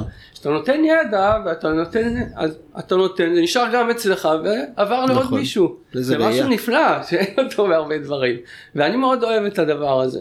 אז גם בגלישה, אני חזרתי מהקנרים במצב נוראי, כן? נפרדתי מאשתי, והייתי צריך להחליט בין, אחרי ששנים הייתי בצילום, והייתי מרצה כבר בבצלאל ומוסר וכל מיני, אם לחזור לעולם הזה, הדו- והעולם ה... אה, והלכתי ללמוד קולנוע דוקומנטרי, כי רציתי, לא רציתי משהו מבוים, הייתי בעולם אחר של אומנות, ומשהו, רציתי משהו יותר את החיים עצמם, אז התחלתי קורס דוקומנטרי, לבין אורן אמר לי בוא בוא תעבוד איתי ותהיה מדריך גלישה, כן? ואני הרגשתי שהייתי ממש, התלבטתי מאוד קשה בין זה לבין זה, אבל הרגשתי שבגלישה יש את האלמנט הפיזי גם הזה, שאני חייב אותו לעצמי, שאני אשמור, אתה יודע, אני כבר בן אדם מבוגר, לשמור על האנרגיות שלי, לשמור על, ה, אה, על הגוף שלי בריא וחזק, ואני ידעתי שבעולם הזה של הקולנוע התיעודי זה אני אאבד את זה. כן. פשוט כל כן. ה- יעבוד המוח יותר מדי ופחות הגוף. ואני רציתי לעבוד אותך. עם הגוף. כן. יש, יש לי שאלה אבל אחרת בתוך כל הדבר הזה בתוך את גם שהתעסק בזה המון המון שנים כן. אה, אתה לא מרגיש שזה קצת שורף אותך כן. וגם שוחק לך גם את ה... שוחק לך גם את ה... אתה יודע את היצר הטהור הזה של אני רוצה לגלוש לא, זה לא שוחק לי, אתה כי לא- לא, אני אגיד לך למה, אני אגיד לך למה. קודם כל, אני לא מרגיש שזה שוחק לי, כי הגלישה אצלי תמיד, אתה יודע, אני הולך לגלים, מבחינתי הגלישה שלי זה שהים הוא מטר וחצי, שתיים, שלוש, ארבע, חמש, שש, כאילו שמה אני מרגיש שאני גולש, כן? בגלים האלה זה מבחינתי, אני באמת בחצי עבודה, גם כן. כשאני גולש בגל של 70 עם עצמי, אני מרגיש שאני עובד, אתה יותר מתאמץ מאשר אה, יותר נהנה מהכוח של הים. מקבל, כן. אתה מבין, תמיד רציתי את האנרגיה של הים, אמרתי לכם מההתחלה, מה שאהבתי זה האנרגיה שהים נותן לי כוח. זה לא שאני צריך לדחוף עכשיו את עצמי על גל ולעשות עוד איזה ביצוע ווואו עשיתי את הביצוע, זה לא עניין אותי מההתחלה. לכן שאני מבחינתי זה טוב, יש לי, אני, אני בניתי, כן, ובני לי זה, בניתי לי בעצם נישה מסוימת, ששיש גלים נמוכים שמתאימים לארץ להרבה אנשים שהם לא אה, מקצועיים והם לא הולכים לשלב הבא, כן, של להיות אה, אה, גולשים אה, בתחרויות ודברים כאלה, אז הם גולשים בגלים של חצי מטר, 30, 50, בארץ זה הים. שלהם, זה הגלישה כן, שלהם. הם אוהבים את זה גם, תשמע, רוב האנשים שאני עובד איתם זה אנשים בני 40, 50, אה, גילאים כאלה, לא ילדים, רק פעם בשבוע אני עובד עם ילדים. והם רוצים את הגלים האלה, זה טוב להם, זה כיף להם, הם נהנים מזה בדיוק כמו שאני נהניתי כשהייתי ילד.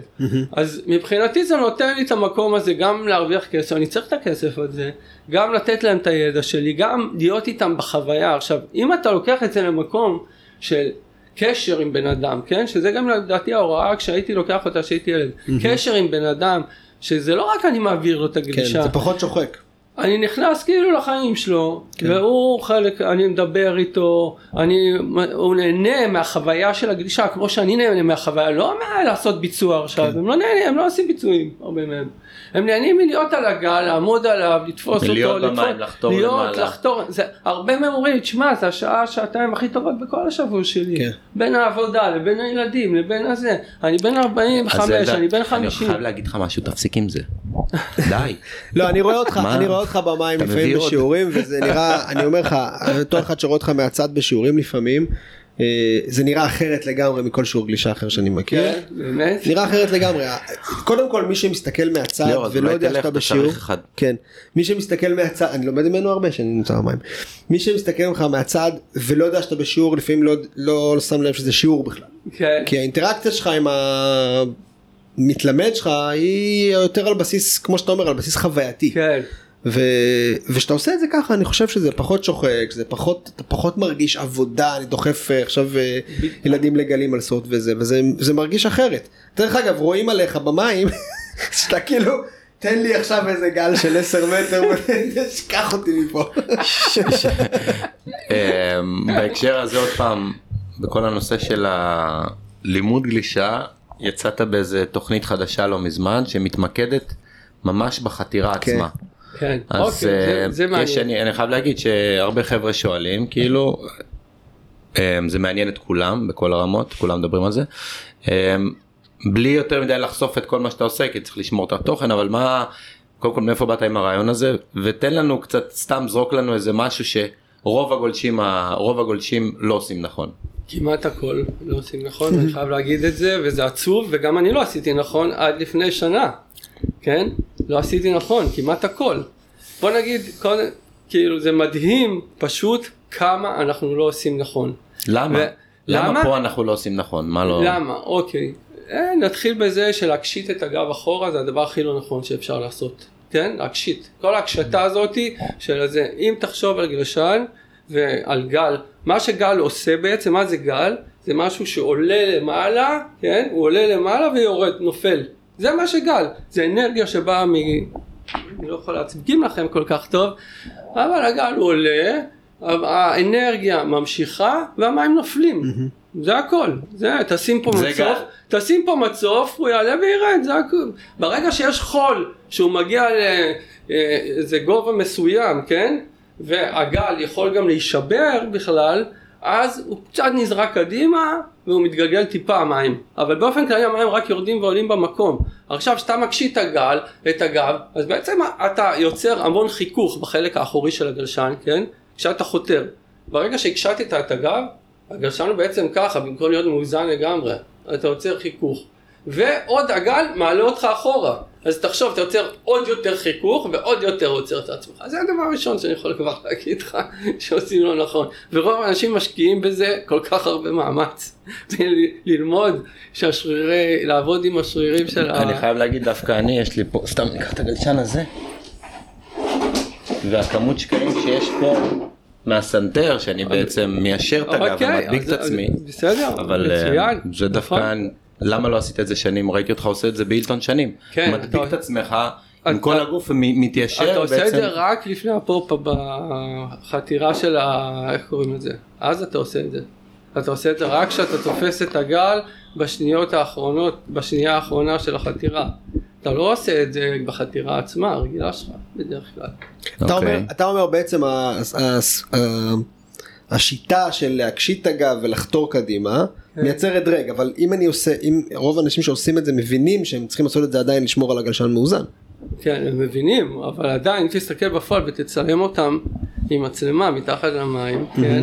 אתה תראה שהגלשן הולך אחורה. אתה תראה שגם יוצרים דרג, לא רק שהם יוצרים דרג, אני לא רוצה להיכנס לכל הפרטים, כן, ברור. זה איפה, של זה, הם גם אה, מושיטים את היד בצורה שגורמת להם לדלקות ביד, הם עושים הרבה דברים בגלל התנועה הזאתי שגורמים לתנועה לא נכונה של הכתף, הם לא, הם מכניסים את היד בצורה שהיא מייצרת פחות אה, מומנטום קדימה, כל מיני דברים שהם פשוט ההפך ממה שצריך, לחלוטין. אוקיי. לחלוטין. עכשיו, כל מה שאני מעביר בסדנה זה ממש לא כמו כשאני מלמד גלישה. אם אני מלמד גלישה חווייתית, הסדנה זה מדע מדויק. כן. זה הכל עם סכמות, זה הכל עם הוכחה חד משמעית, בבריכות, בחו"ל, ומראה נתונים, ומראה את הגולשים הטובים בעולם שהם עושים את זה נכון, כן? שככה זה צריך להיות. מדהים. אין שם שום דבר שהוא לא מבוסס מדעית, וכל שאלה שתשאל אותי בסדנה על למה זה ככה ואיך זה, יש לי תשובה אליה חד משמעית, ואני יכול להגיד לך את זה בעיניים עצומות. אוקיי. ואני למדתי את זה יש מאסטר בקליפורניה שהוא מלמד את המקצוענים ואני למדתי ממנו. מדהים. כמה זמן הסדנה שלך? הסדנה שלי היא שעתיים ב, אה, בערב, כאילו? אצלי תיאורטי בימי חמישי כל שבועיים ואחרי זה שעתיים במים שבו החלק החשוב שאני מתקן את האנשים, אתה מבין, אנשים יש להם או מעט מאוד אנשים שמגיעים בלי רקע בגלישה בכלל, כן, אבל 99% מהאנשים מגיעים עם רקע וכבר עושים את הטעויות אז אני צריך לתקן אותם כל הזמן. טעויות, גם- מוב- מי שבא עם רקע זה טעות מובנית גם שצריך לפרק מובנית, לבן אדם ה... בדיוק, אז, אז אני חותר איתם לאורך שתי קילומטר ואני כל הזמן אני עושה איתם תרגילים במשך שעתיים ואחרי זה אנחנו גם תופסים גלים ואני כל הזמן כל הזמן מתקן מתקן מתקן כדי שיהיה להם את המקום שהם מרגישים שככה זה צריך להיות וברגע שהם מרגישים שככה זה צריך להיות ומרגישים את המהירות שזה עובד. ש... בדיוק, כשהם מרגישים את המהירות שזה מייצר אז זה כאילו וואו כן, זהו, זה זה- וואו, זה הפידבק ותשאל שאתה... כל בן אדם שהיה אצלי בסדנה והגיע לנקודה הזאת של וואו, זהו, כאילו, איזה יופי. זה שם. יאללה ליאור בוא נרשם. שווה, בוא נירשם. יום חמישי אתה אומר? ימי, כן, ימי חמישי כל שבועיים, הסדנה הבאה שלי ב-21 לחודש. אה, ו- אוקיי. רק עשרה אנשים יכולים להירשם, ובדרך כלל אנחנו מפרסמים את זה פשוט. את אלדד. ההרשמה. תגלה לנו על הסיקרט ספוט שלך, זה הזמן. אתה יודע שאלדד הייתה תקופה שהיה חוטף את אורן בבוקר, באמת, בחושך. קושר לו את העיניים. אתה צוחק, אתה צוחק. קשר לו את העיניים. עד היום, עד היום, זה לא אורן הפעם. חבר שלי, אלדד חבר שלי, אני לא יודע, אורן אומר לי, אני אסור לי, אסור לי, אסור, אני אומר לו, תגיד לי איפה גלשתם. תראה, עד לא- היום אורן לא יודע חלק מהמקומות. הוא לא יודע להגיד, הוא הוא החבר לא שלי הכי טוב מהילדות. אלדד מאיים עליו איומים קונקרטיים אמיתיים, תקשיב, לא תגלוש יצא. לבד בגלים טובים, בגלים גבוהים בארץ, זה משהו שהוא, אבל יש לי תמונה זה אחת. יוניקורן, יש זה לי תמונה אחת, יוניקורן. שלחת לי פעם אחת, אני איך לפרסם אותה. זה, יוני- זה יוניקורן ואני חושב שכל אחד שיעשה את העבודה שהוא צריך וילך לאורך נכון, החופים נכון. וישקיע את. הזמן. ואת הבזבוז של הימים חלק מהחוויה. המושלמים האלה שהיה מושלם ותלך לאורך החופים נכון. ותמצא את הריפים או את החולות שבדיוק מתאימים בזמן חושב הזה. שזה אבל בדיוק פעם אחת העניין. בחיפושים שלי תפסתי את אלדד. להגיד איפה. לא, פעם אבל זה- אחת הצלחתי. אבל זה חלק מהעניין. שדיברנו מקודם, זה בדיוק החוויה. הזאת, זה האינסטנט שבו תגיד לי איפה הגן, בטח, מה זה תגיד לי? לך תעבוד, לך. תעבוד, אתה יודע איזה, אני, יש לי כבר. על הקנה בעולם ארבע מקומות שהם סופר וורד קלאס, שהם הופיעו רק באיזה שתי סרטונים בעולם, כאילו, ואני יודע בדיוק את הנקודה איפה הם, ואני יודע שאני אהיה שם בפעם הבאה שזה יעבוד, לא חשוב מה יקרה. אני יודע מתי הם עובדים, באיזה שעה, באיזה יום. יש לי מקום כבר את האנשים המקומיים שאני בקשר איתם, גדול. שברגע שזה יקרה זה יהיה, וזה אחרי שהשקעתי בזה מאות שעות של חיפוש, של הבנה. ומי אתה למה? ש- ומי אתה נכון. שיגידו לך? כן, אז למה כן. עכשיו שאני אלך לבן אדם שאומר יאללה, נכון. כאילו, נכון. מה, תשקיע, תעשה, ת- תהיה ת- ראוי. תהיה כן. ראוי. אני ממש חושב שזה ככה. אני, אני מסכים לגמרי. אני מסכים לגמרי. בוא נקפוץ רגע לחוויה מצחיקה שדיברנו עליה מקודם לפני שהתחלנו להקליט. דיברנו על אה, שברים בידיים וכל הדברים האלה. היה לך איזה שבר, שבר קטלני במרפק שסיפרת לי שקרה לך מסקייטבורד. כן, דרך אגב מתי זה היה? לפני 12 שנה בדיוק. אה, זה... זה, כן, זה היה ביום כיפור, לא קרוב, לא רחוק. יום כיפור, ערב יום כיפור, רכבתי על סקייטבורד. אה, הילדים שלי גרו בתל אביב, אני גרתי ברמת אביב, אה, והייתי איתם. 12 בלילה יצאתי לכיוון רמת אביב, נסעתי ויש את הגשר של, אה, שליד, נ- מהנמל תל אביב בעצם, שנוסעים אה, לכיוון מזרחה, כן. כן? אז יש שם רייל שהוא במבניות של הגשר, אז עכשיו הוא, הוא אטמו אותו, את הרייל עצמו בפנים עם סמנט, אבל אז היה פתוח לגמרי, פשוט הגלגלים שנתפסו בפנים. וזה בעלייה, אתה לא רואה את זה, כן. אתה מגיע לזה בעלייה.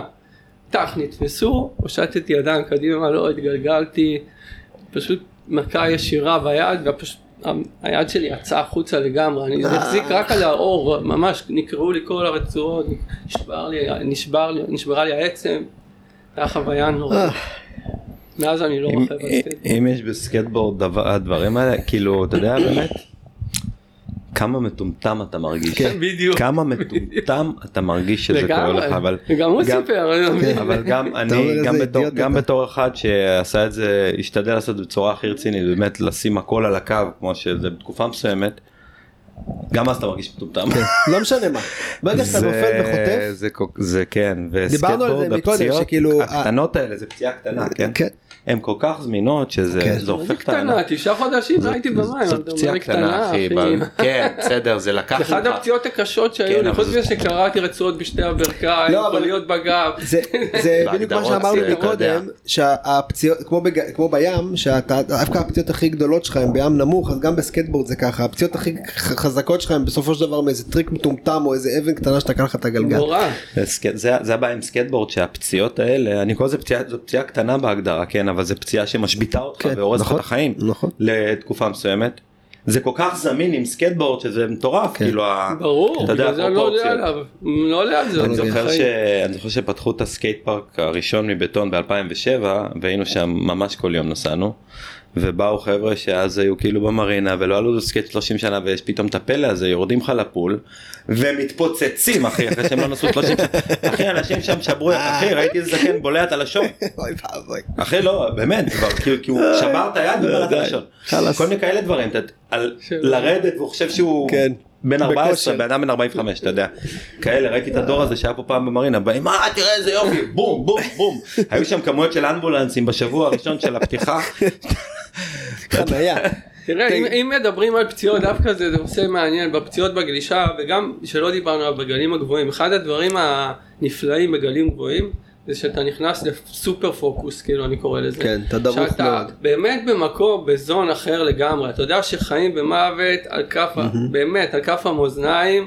וזה לא סתם מהיד לפה, זה לא סתם משהו שאתה אומר, זה כאילו, היו לי הרבה close call בשנים, אני באמת גולש בגלים גבוהים המון המון שנים, אז תמיד יש לך close call ואתה חייב להיכנס למים בידיעה שיכול להיות שתמות בים הזה ואתה מוכן להיכנס למים בידיעה כזאת, אם לא אין לך מה לחפש שם, למה רק החרדה שתקבל במים מהמצב, אז יכולה להרוג אותך. כן. אז אתה חייב לבוא בידיעה שאין, אני קודם כל סופר פיט, סופר מכיר, ויש לי ניסיון, ואני יכול להתמודד עם מה שקורה שם בים, ואז אתה להיות בפוקוס. הפוקוס שאתה מגיע אליו בים גבוה, נגיד היה לי פוארטו אסקונדידו שזה 20 ומשהו פיט, כאילו נכנס, וואו. אתה פשוט, אתה, המוח שלך עובד, הוא מנתח כל דבר, איך המים זזים, הזרמים, איך הגל, את השבירה שלו, אתה, אתה באמת חוקר כאילו כל גל, אתה מבין הכל כדי לדעת, שאתה תראה את הגל הנכון, גל. לא יקרה כלום, החתירה שלך היא ספורט און. behind, כאילו כן. סופר, אין מצב שאתה חותר על גל ואתה לא תיקח אותו, למה הגל שיבוא מאחוריו יכול להרוג אותך בקלות, כל המחשבות האלה, כל הדברים, הם עוברים בראש, זה לא שאתה יושב במים. כן, בסבבה איזה לי. מגניב פה עכשיו, כן. כאילו ים של שבעה מטר, חמישה מטר, לא. אתה כאילו המוח שלך בסופר סופר סופר פוקוס, ובאמת הפציעות הן מועטות בים כזה יחסית לימים קטנים שאתה בהם עף וכאילו, וואלה, מה, כאילו, כן. עכשיו, כן. המוח שלי עף לכל הכיוונים, אני סתם כן. לא שם לב מה אני עושה. אתה עובד עכשיו על איזה strike mission? ברור, כל לך? הזמן. אין- אין מצב- אין מצב שאתה לא עובד על strike לא, mission, אין אתה אומר. מצב. קודם כל, אני, כמו שאמרתי, אני כל הזמן יש לי תחקירים כאלה בראש, ויש לי נקודות, ואני יודע באיזה חודשים בשנה הם יעבדו. כל מקומות, אה, יש את האוקיינוס האטלנטי, יש את האוקיינוס ההודי, יש כל מיני אוקיינוס, הם עובדים בזמנים שונים, אני יודע בכל עונה מה יעבוד, ואני יודע איזה חופים שאני רוצה לנסוע, ומתי הם יעבדו. רק כשזה יהיה תנאים מושלמים, אני אסע לשם, אני למדתי, יש לי ניסיון. הח- וגם בגלל שאני לא בן אדם עמיד, כן, אולי אם כן. היה לי מלא כסף, הייתי אומר, וואלה, אני נוסע עכשיו כי בא לי. אבל לא, אני צריך את הכסף הזה, זה בא על חשבון המשפחה שלי, זה בא על חשבון טיולים עם אשתי, זה בא על חשבון הרבה דברים. אני חייב שזה יהיה מדויק.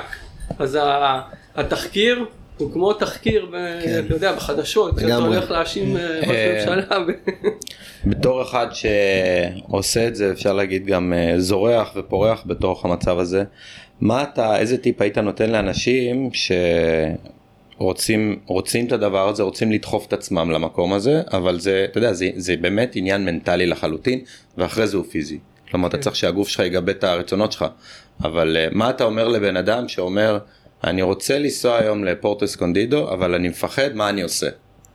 אוקיי, קודם כל אל תיסע בפרוטו אפסקנידו, אם לא היית קודם במקומות סתם אני נותן דוגמה, לא, כן, אני אומר, לא, זה נורא משמעותי. איך בן אדם בונה את עצמו בונה. לתוך המקום אז המנטלי כן. הזה כי הוא- כי זה אוקיי, קיים, זה אז אפשרי. קודם כל תבנה את עצמך לאט לאט, אל תלך קודם כל למקום כמו פורטו אסקנדינו, פורטו אסקנדינו הוא אחד המקומות החזקים באמת בעולם, הוא פיקל, יש מקומות שהם הרבה יותר צפויים, נגיד אה, צ'ופו הרבה יותר צפוי מפורטו כן. אסקנדינו, זה גל יותר קל, הוא הרבה הרבה יותר קל מפורטו, אין מה להשוות בגלל שהוא צפוי, הגל זה כמו בריכת גלים ענקית.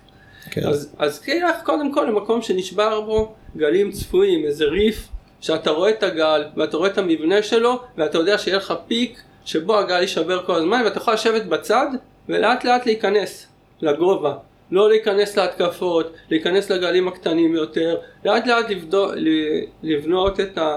את הביטחון. כאילו, ביטחון העצמי שלך, ו- וכמובן לבוא קודם, הרבה לפני שמגיע סמואל גבוה, כשאתה יודע שיבוא סמואל גבוה, לבוא בימים קטנים, ללמוד את הברייק, ל- ל- ליפול, ליפול, להרגיש נוח עם הנפילה, להרגיש שאתה מכיר איך הריף, להרגיש שאתה מכיר איך ה- המבנה של הזרימה של המים, לאן זה לוקח אותך, איך אתה יוצא מהמים במצב שהוא קשה. אה, אם יש אנשים, אם יש מי שיתמוך בך, כל הדברים שישקיטו את התת מודע. אחד הדברים המשמעותיים ביותר בגלישה בגלים גבוהים זה התת מודע. התת מודע שלך הרבה יותר חכם ממך. הוא יודע עם מה אתה יכול להתמודד, עם מה אתה לא. אם הגוף שלך לא fit ואין עליו זיכרון שהתמודדת עם סיטואציה, הוא יהיה הרבה יותר כאילו רגיש לסיטואציה שאתה הולך להיות בה.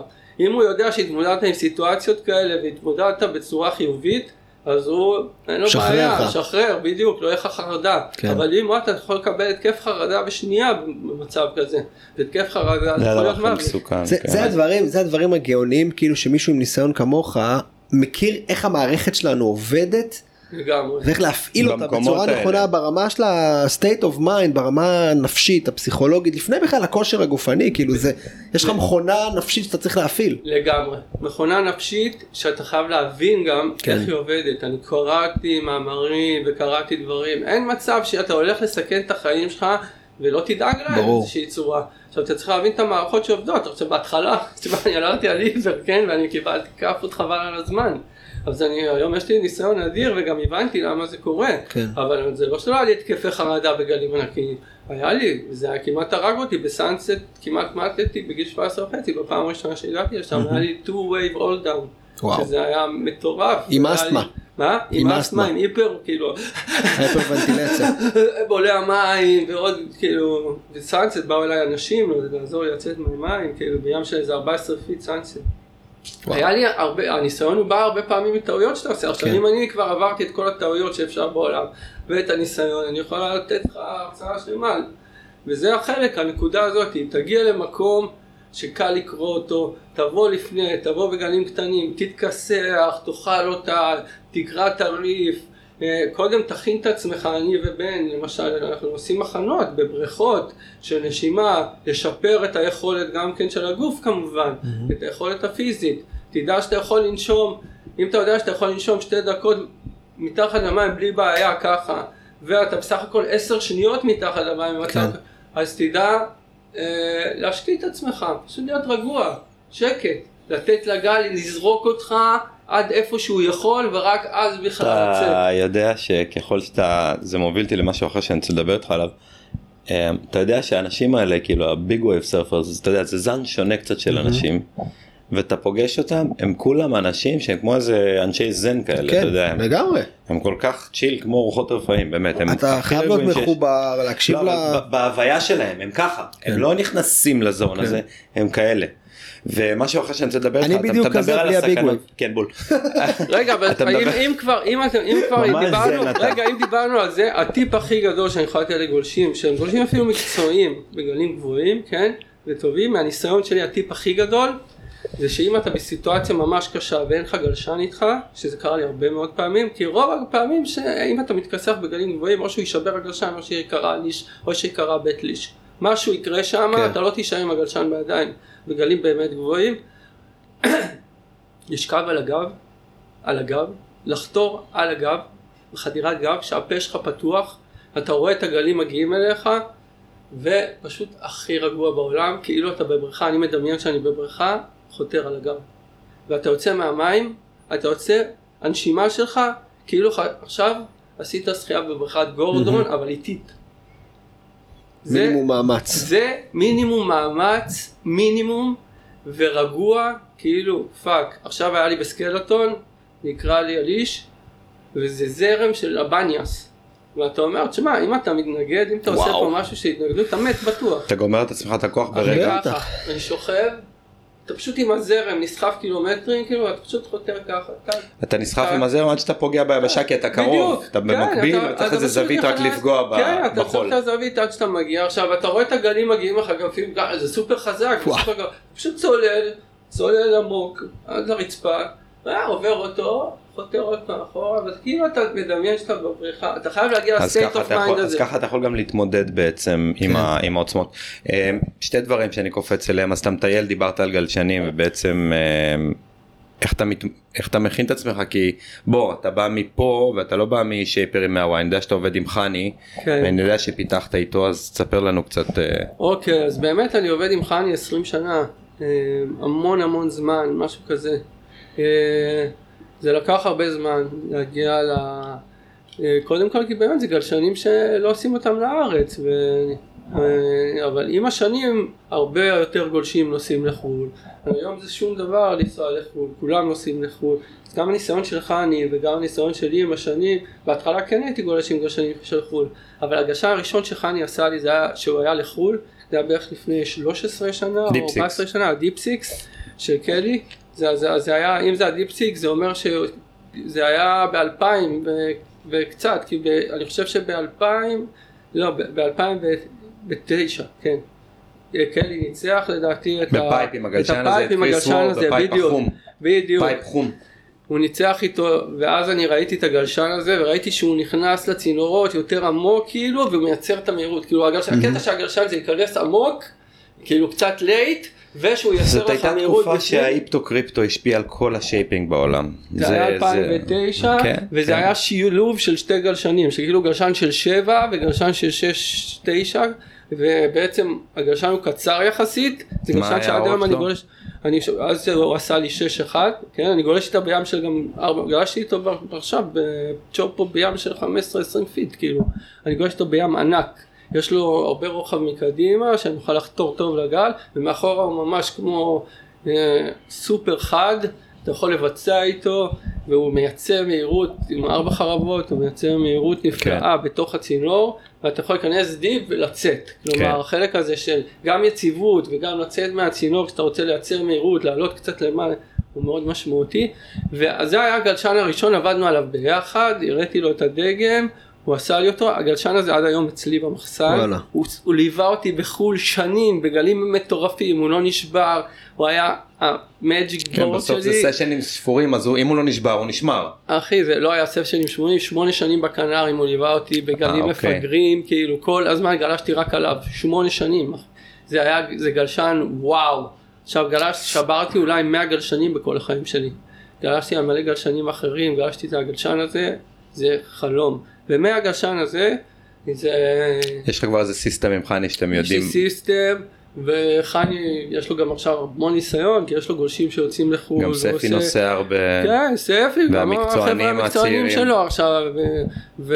אגב, אבל הדרישות הן קצת שונות הם נוסעים לתחרויות כן, QS וכל כן, מיני כאלה. אבל עדיין, גם יש לו, הגלשן הצהוב שהוא עשה לי, שראית אולי בתמונות, בתאיטי, שהייתי מהמם. גולש עליו בימים היותר קטנים, הוא יותר סנאפי כזה, ואפשר לבצע איתו, והוא בעצם אה, קצת דומה למודל של אה, קלי, של הסטפ-אפ, מהמם. הוא גלשן מעולה, גלשתי מדהים. איתו, אה, גלשתי איתו, ב- ועכשיו בזה גלשתי איתו די הרבה, ואני יושב עם חני על השייפים, אני אה, ממש לא רק מדבר איתו, אני נכנס איתו לחדר שייפ, דברים קטנים, לראות, אתה יודע, אני, זה נורא חשוב לי, אני מבין, אני קראתי על גלשנים, כל הדברים שאני עושה אני חוקר לעומק, צריך כן. להבין, זה לא, אתה רוצה להיות גולש בגלים שהחיים שלך תלויים בזה, אתה חייב להיכנס. עם הדברים לעומק עד הסוף, כי זה החיים שלך, והציוד שלך זה חלק מזה, אם הציוד לא טוב אתה תיתקע בתוך הצינור עמוק ואתה, זהו, ירבול אחד בגל של 4 מטר בתוך הצינור עמוק והוא פוגע לך בראש, הוא פוגע לך,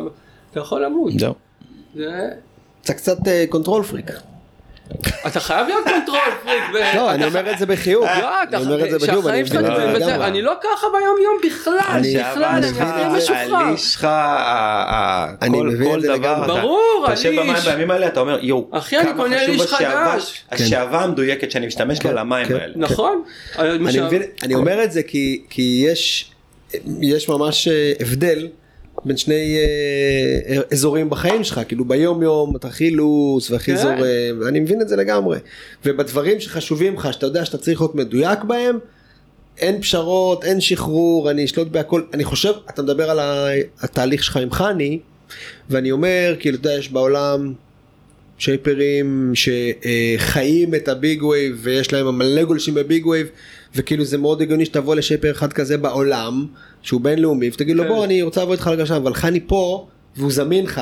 ואתה יושב איתו וזה הכי קרוב והכי נכון לך גם אז זה כאילו זה זה מתחבר. קשר אישי מאוד חזק בדיוק. גם של המון שנים, והוא עושה גם את הגלשנים הקטנים, הוא מכיר אותי, והוא מכיר את הגלישה. כן, ויש לך הזדמנות להיות מעורב גם בתהליך. בטח, להיות מעורב זה מבחינתי, וואו, זה בונוס כן, מטורף. כן, שאתה מעורב בתהליך. בדיוק. ולעמוד שם, שהוא עושה את. זה, תשמע, זה, זה קראפט, זה עבודת יד, זה, זה אומנות, אני בא מעולם האומנות, אני כן. למדתי אומנות. אה, הרבה שנים ולימדתי אומנות, אני רואה את זה כאומנות. מדהים. אתה צריך להיות אומן כדי לעשות גלשן טוב, ואני מאוד מעריך את זה גם כן, ואני מעריך את ה... שמחיר של גלשן צריך לעלות כסף, כי זה לא איזה משהו שעכשיו ייצרו אותו מכונה, אלא עושה אותו ביד. אה, יש הבדל בין הדברים האלה, ואני מאוד. מעריך את זה.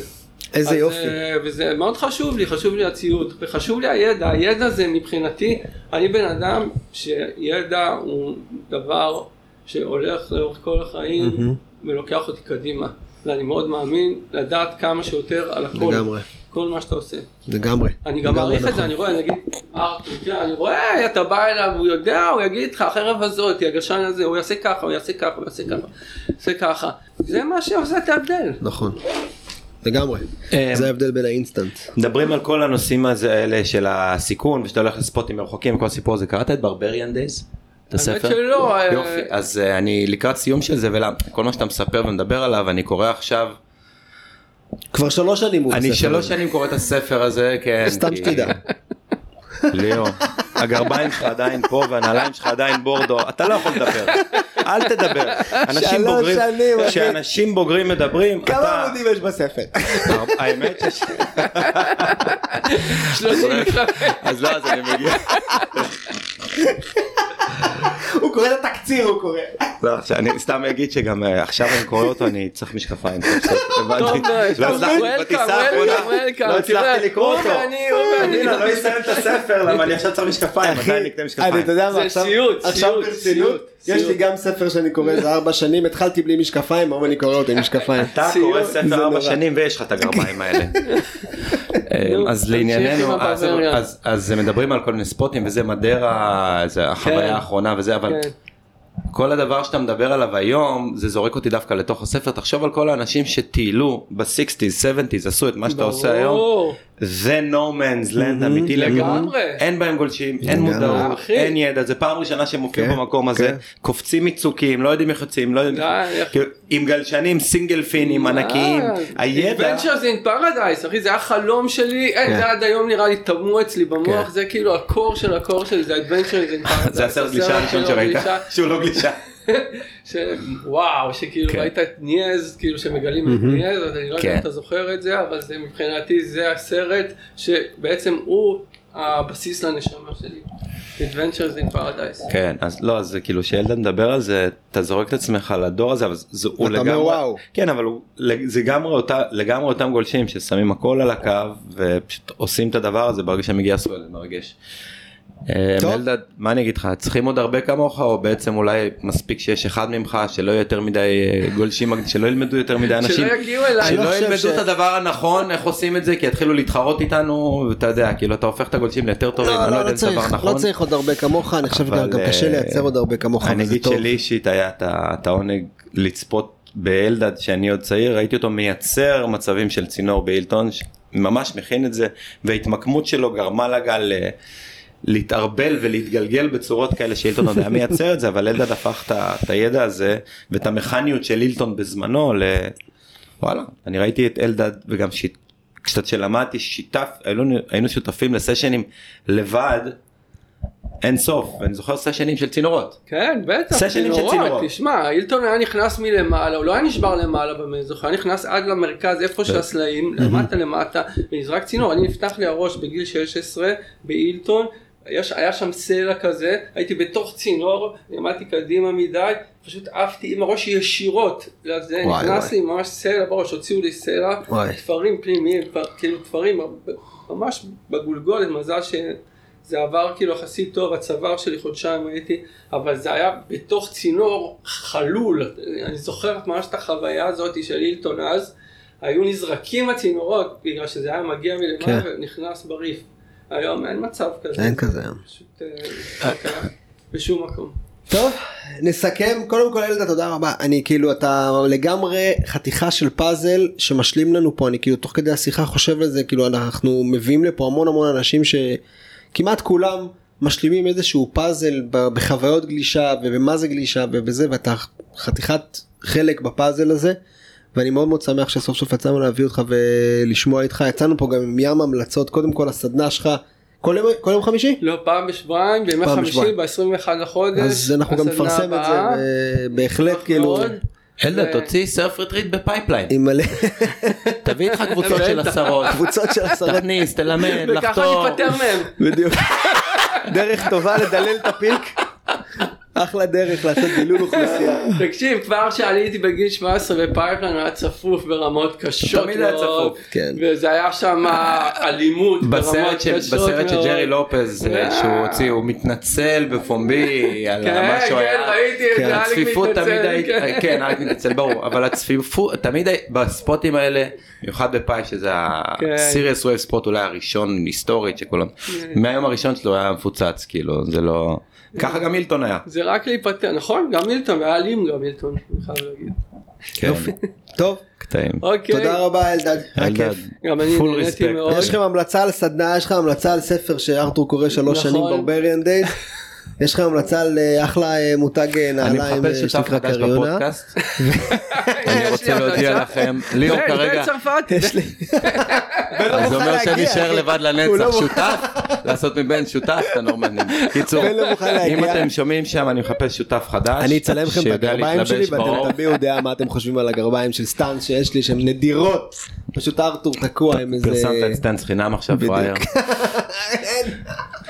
אמ, טוב. תודה רבה אלדד respect, ביי, אלדד. נתראה בקרוב.